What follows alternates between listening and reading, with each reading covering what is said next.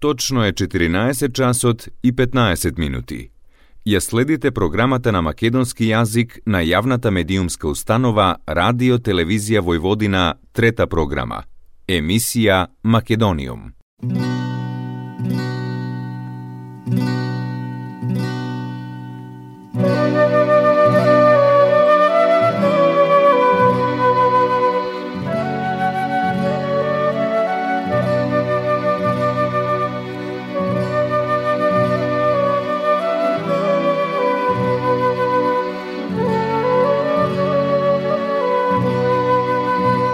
Македониум.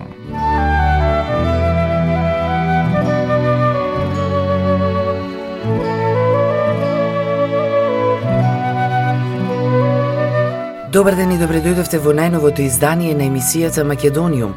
Македониум, почитувани слушатели, е со вас секоја среда со почеток во 14 часот и 15 минути на фреквенцијата на третата програма на радиото. Македониум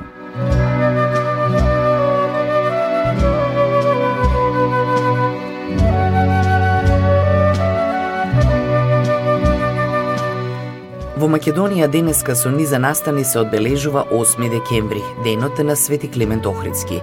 Пред споменикот на Свети Климент Охридски во Скопје повеќе делегации ќе положат свеќе, а во собранието ќе биде врачена државната награда Свети Климент Охридски. Во областа на воспитанието и образованието, државната награда ќе биде доделена на универзитетската професорка Гюлум Серка Сапи, а добитници во областа на културата и уметноста се писателот Јован Павловски, музичкиот уметник Снежана Атанасова Чадиковска и академската сликарка костимограф Елена Дончева. Свети Климент Охридски е патрон и на Охрид, каде празнувањата почнаа од синоќа. Честувањата продолжуваат и денеска со поклон на делегација пред моштите на Свети Климент Охридски во црквата Свети Пантелеймон на Плаошник, а цвеќе ќе биде положено и пред споменикот на Свети Климент Охридски во училишниот двор на основното училиште што го носи неговото име. Цвеќе ќе биде положено и пред споменикот на Свети Климент Охридски на градскиот плоштад, при што ќе бидат врачени наградите на најдобрите поетски творби на наградниот ученички литературен конкурс по повод патронот на градот.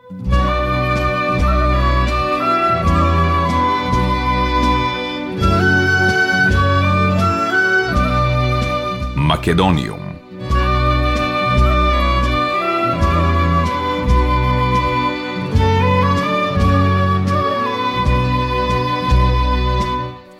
Свети Климент Охридски е најдаровитиот ученик на рамно апостолните се словенски браќа Кирил и Методи.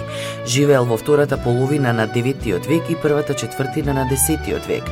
Со своите уши тој ги слушал нивните божествени евангелски зборови, а со своите очи ги гледал нивните богоозарени ликови и евангелски дела. Свети Климент се родил околу 840 година некаде во Македонија. Некои историчари сметаат дека се родил во Солун или во неговата близина, а тоа го потврдуваат со фактот дека уште како млад бил повикан од светите браќа Кирил и Методи во нивната мисија, што значи дека најверојатно живеел во нивна близина. Подоцна тој учествувал и во преведувањето на светите богослужбени книги од грчки на црквено-словенски јазик. Заедно со светите браќа отпатувал во Панонија и Моравија, каде живо учествувал во мисијата за словенска богослужба и словенско православие. Бил еден од истакнатите учители на младенците од Моравија и Панонија, кои се подготвувале за свештеници и јакони. По смртта на своите свети учители под притисок на германците, а по Божја промисла, заедно со другите ученици Гораст, Наум, Сава и Ангелари, заедно наречени петочисленици од Моравија, тргнале на југ како гости при кнезот Борис Михаил, а подоцна дошол и во Охридскиот крај за да го учи својот народ на Божиите вистини. Таму Свети Климент прво основал манастир во Белица, кај што му било и првото епископско седиште. Подоцна се преселил во Охрид и оттаму развил архипастирска и просветителска дејност за целата поблиска и подалечна околина. Неуморно одел од село до село, од град до град и на разбирлив народен јазик со своите боговдахновени проповеди го разгонувал мракот од умот и срцата на своите сонародници. Често зборувал за тоа дека нема добродетелен христијански живот без чисто верско догматско учење и дека на чистото догматско учење не е спасоносно ако не е проследено со богоугоден добродетелен живот. Првото го споредувал со слепец кој има раце и нозе, а второто со човек што има раце и нозе, а нема очен вид. Во Охрид Свети Климент му подигнал црква на Свети Пантелеймон. Македониум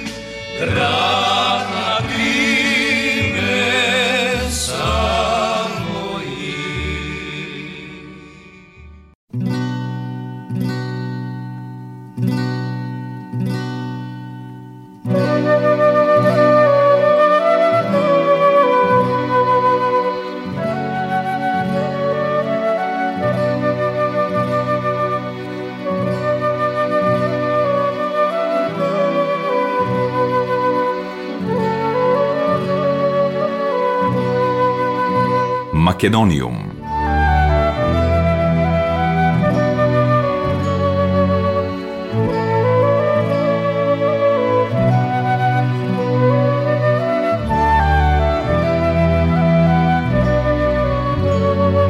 Бидејќи тој бил свесен за тоа оти со својот жив говор може да допре само до своите слушатели, а не до целиот народ и генерациите што ќе дојдат по него, тој основал универзитет во Охрид, прв од таков вид не само на Балканот, туку и во целиот тогашен словенски свет.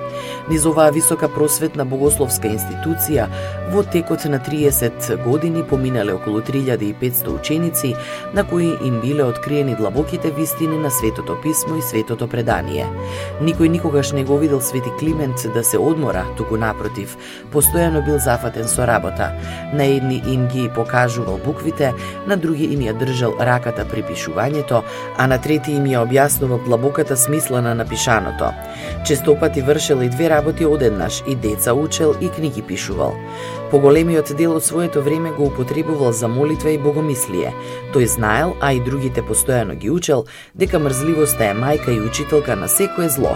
Особено настојувал да искорени мрзеливоста, да ги навикне луѓето на работа, да ги скроти испитом и жестоките срца, да ги приведе кон покаяние и да ги исполни со вистинско знаење за Бога и за блажениот живот на праведниците во Царството Небесно. Неговиот труд не останал без плод, учениците негови напредувале и во знаење и во добродетелен живот.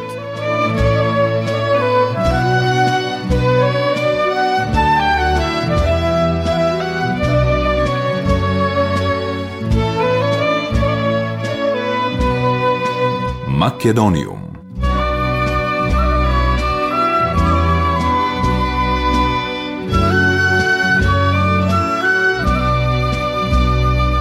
Славата на Свети Климент се повеќе растела и гласот за овој голем духовник и проповедник се слушал надалеку. Затоа бил хиротонисан за прв епископ словенски. Тогаш ги изголемил уште повеќе своите грижи и трудови за доброто и душевното спасение на своите духовни чеда. Во неговото житие се вели дека не им давал сон на своите очи, ниту дремка на своите веги, Учели дење и ноќе, утврдувајќи ги верните во вистините на христијанската вера и богоугодие. Се грижели за телесната храна на сиромашните, вдовиците и сираците. Напишал беседи на сите неделни и празнични денови на прост и јасен јазик, така што секој можел да ги разбере вистините кои ги учел се трудел 50 години во извршувањето на Божиото дело и вршил чуда и за време на земниот живот. После големиот труд и верната служба на Бога се упокоил мирно во Охрид на 9 август 916 година. Господ го прославил со светителски ореол. Неговите земни остатоци станале чудотворни мошти, од кои по Божја благодат се лекуваат низ векови многу телесно и душевно болни, кои пристапуваат со вера и љубов. Неговите мошти се чуваат во Охридската црква Свети Климент Света Богородица Перивлептос во Охрид. Свети Климент е закрилник и патрон на македонскиот народ низ целата негова историја. Тој е патрон на Македонската православна црква, на Македонската православна богословија и Богословскиот факултет, како и на голем број просветни и научни институции во Македонија. На него се посветени и голем број новоизградени цркви и манастири во европските и прекоокеански земји. Македониум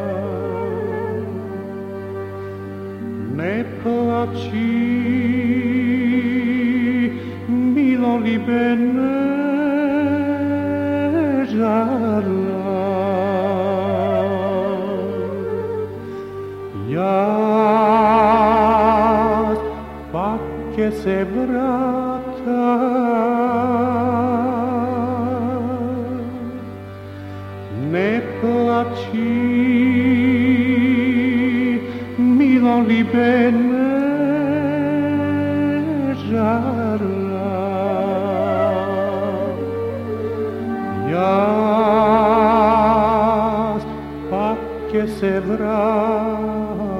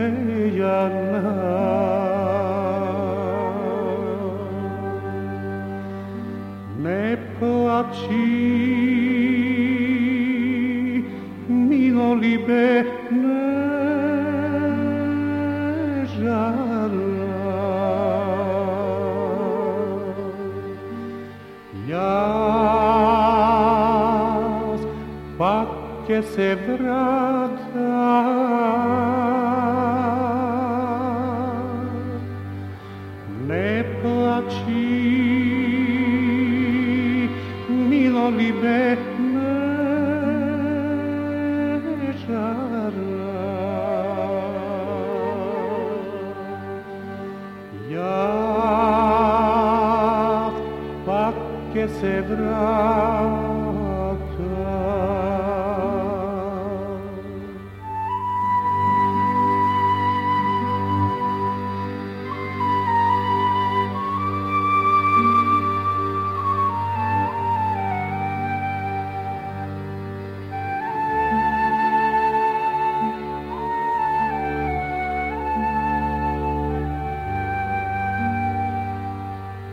Ja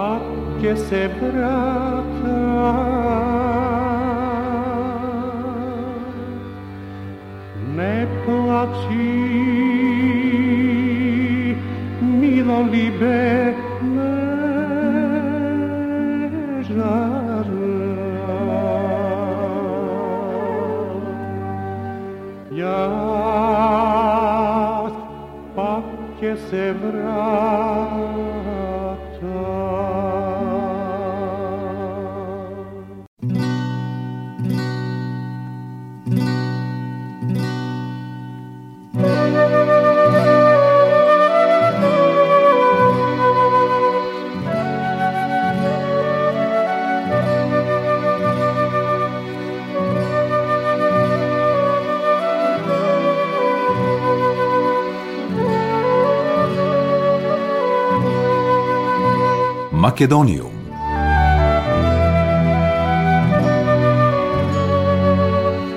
Покрај црковните и педагошките дејности, особено учителско-просветителски, Свети Климент развил и богата книжевна дејност. Автор е на многу поучни и похвални слова, како похвалата на Кирил Филозоф, похвалата на пророкот Захари и Свети Јован Крстител, за светите Кирил и Методи и така натаму. Но во неговото творештво превладуваат поучителните слова кои се однесуваат на општо христијанските светители Свети Ѓорги, Свети Тома, Свети Антони, потоа слова посветени на Пресвета Богородица и слова посветени за настаните од животот на Господ Исус Христос. Свети Климент бил и првиот епископ словенски со титула епископ Велички.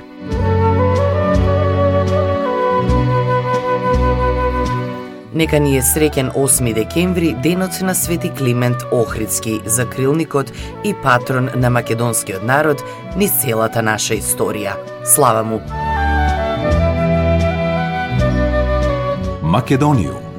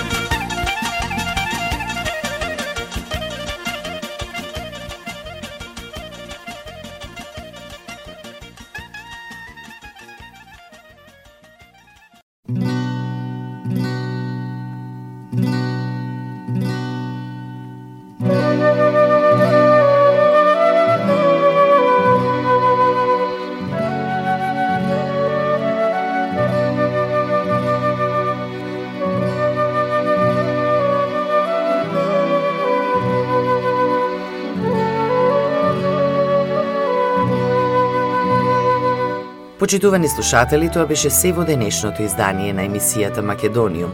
До следната среда во исто време срдечен и голем поздрав од вашиот уредник и водител Јулијана Милутиновиќ.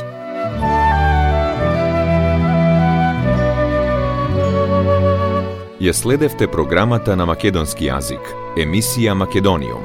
Главен и одговорен уредник Воин Поповиќ.